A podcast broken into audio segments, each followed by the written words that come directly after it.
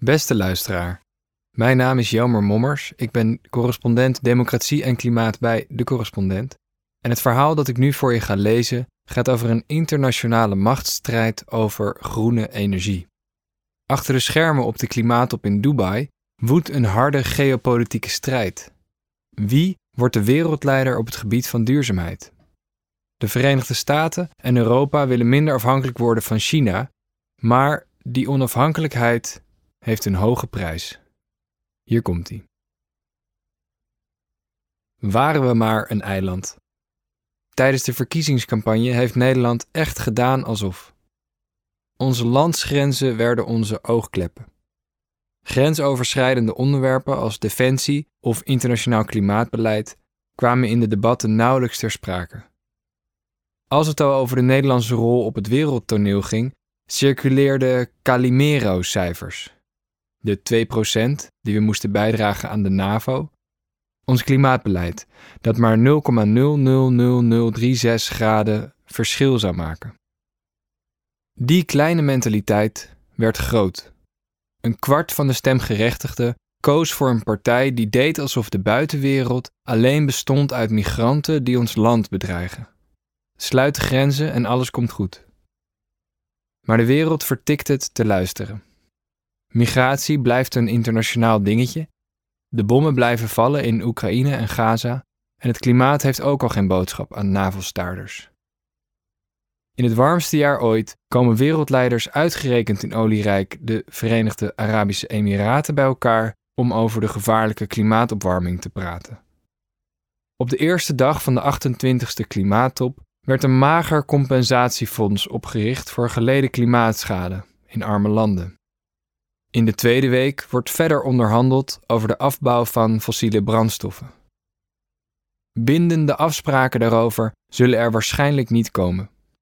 Het is niet alleen de oude kloof tussen Noord en Zuid die in de weg zit, of het feit dat een oliebaas de onderhandelingen leidt. Boven de top hangt ook de donderwolk van internationaal conflict. Want dezelfde landen die het in Dubai met elkaar eens moeten worden over de afbouw van fossiele brandstoffen, staan lijnrecht tegenover elkaar als het gaat om Oekraïne en de Palestijnse zaak.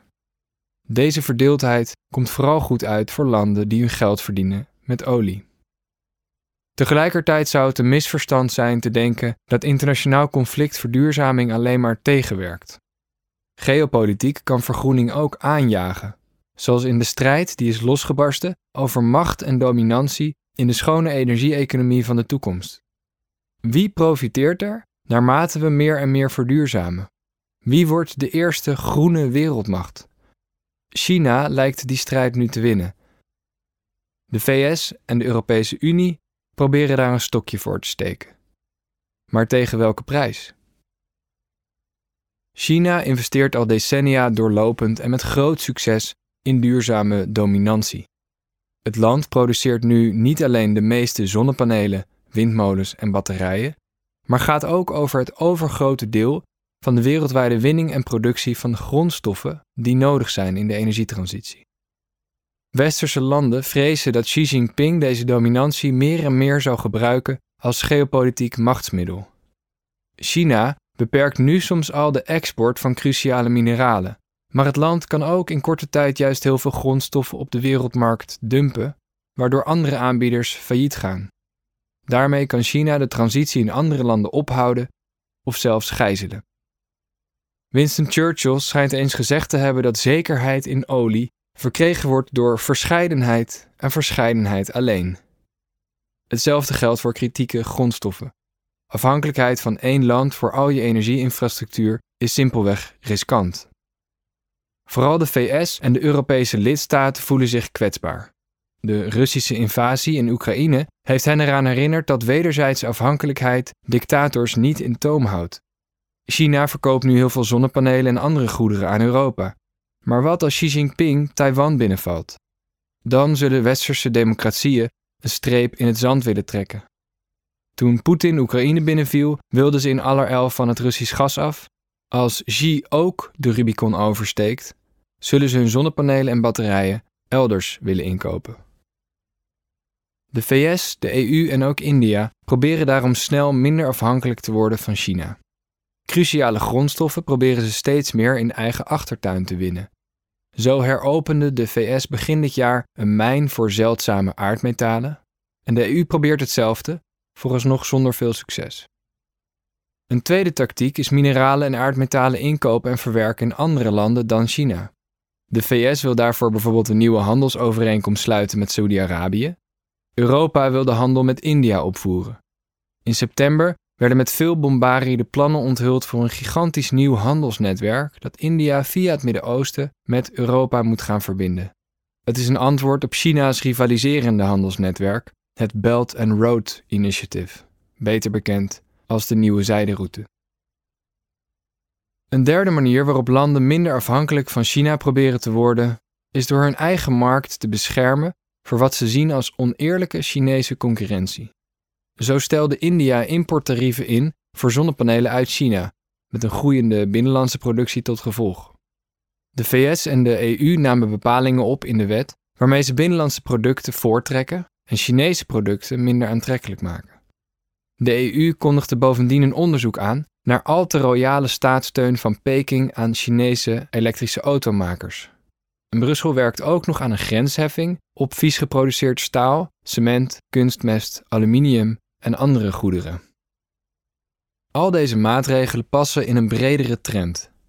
Landen schermen hun binnenlandse markt steeds meer af en ze beperken de vrije wereldhandel. En bedrijven doen hieraan mee.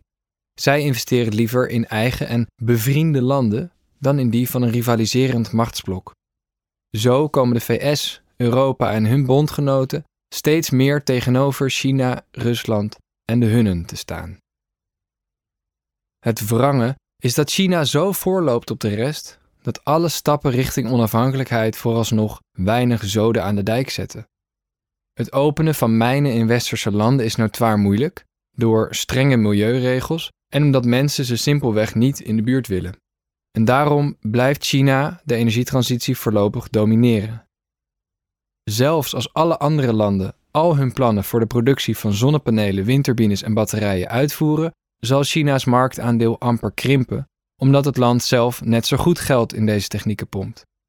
Alleen in de productie van electrolyzers, die nodig zijn voor het maken van waterstof, en in de productie van warmtepompen, zullen de EU, de VS en andere landen de komende jaren wel een groter marktaandeel vergaren. Op warmtepompen kan de EU China zelfs aftoepen. Maar de politieke prijs van deze kleine verschuivingen is aanzienlijk. De schermutselingen komen bijna dagelijks wel in het nieuws. De VS kondigde recent bijvoorbeeld nieuwe beperkingen aan op de export van chips naar China, waarop China reageerde met beperkingen op de export van grafiet. Dat is een ingrediënt in de batterijen van elektrische auto's. De hele wereld is boos over Europa's poging om de import van vieze producten uit andere landen extra te belasten. En Washington is boos omdat Chinese zonnepanelenmakers Amerikaanse importheffingen proberen te ontduiken.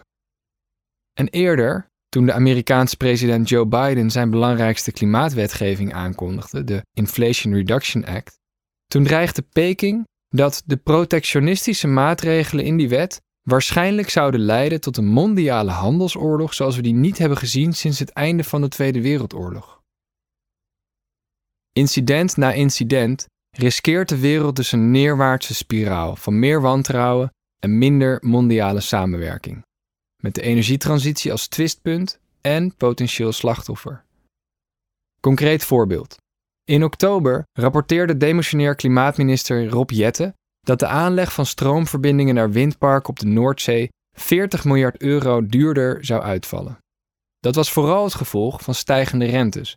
Maar wat de kosten ook opdreef, was het besluit van het kabinet Rutte 4 dat Chinese bedrijven niet langer mogen meebouwen aan vitale infrastructuur, zoals een stopcontact op zee.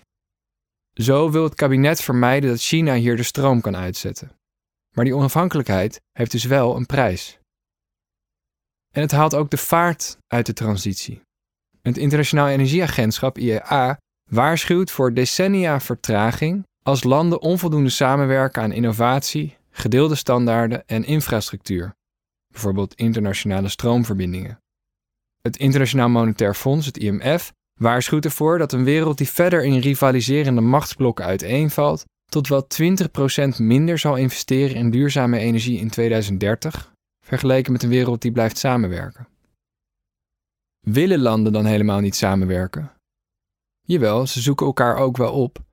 Washington en Peking sloten begin november nog een deal waarin ze afspraken zich in te spannen om de productie van duurzame energie wereldwijd te verdrievoudigen tegen 2030. Maar het is makkelijk het eens te worden over iets dat waarschijnlijk toch wel gaat gebeuren, omdat zonnepanelen en windmolens zo vreselijk goedkoop zijn. En het grote plaatje blijft gelijk. China wil op wereldschaal minstens even machtig worden als de VS en misschien wel machtiger. Dat knaagt in Washington. Misschien is een tragere energietransitie wel te verkiezen boven de situatie waarin één land de verduurzaming van andere landen kan ophouden. En misschien kunnen de stimuleringsmaatregelen van westerse overheden de tol van protectionisme wel teniet doen. Na 2030 dan, wanneer de eigen duurzame productie op stoom is gekomen. Het zou in elk geval winst zijn wanneer we zeker weten dat er geen Oeigoerse dwangarbeid meer wordt ingezet voor onze zonnepanelen. Maar een win-win is het niet. Overhaaste onafhankelijkheid van China is niet goed voor het klimaat. De fenomenale opkomst van duurzame energie hebben we juist te danken aan een wereldeconomie die zo open was dat de gulle subsidiëring van zonnepanelen in Duitsland kon leiden tot een bloeiende zonne-industrie in China. Fabrikanten konden hun onderdelen inkopen bij de goedkoopste aanbieder op de wereldmarkt, wat zorgde voor schaalvoordelen, specialisatie en dus prijsdalingen. En die trend wordt nu bedreigd door geopolitieke strijd.